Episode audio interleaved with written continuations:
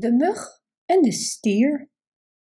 Een mug vloog met veel gezoem, voor zo'n klein wezen als hij was, over de weide en ging op de top van de horen van een stier zitten.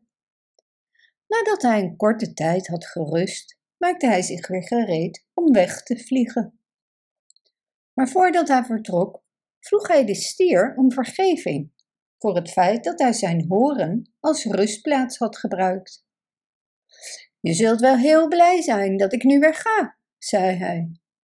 Het blijft voor mij allemaal hetzelfde, antwoordde de stier.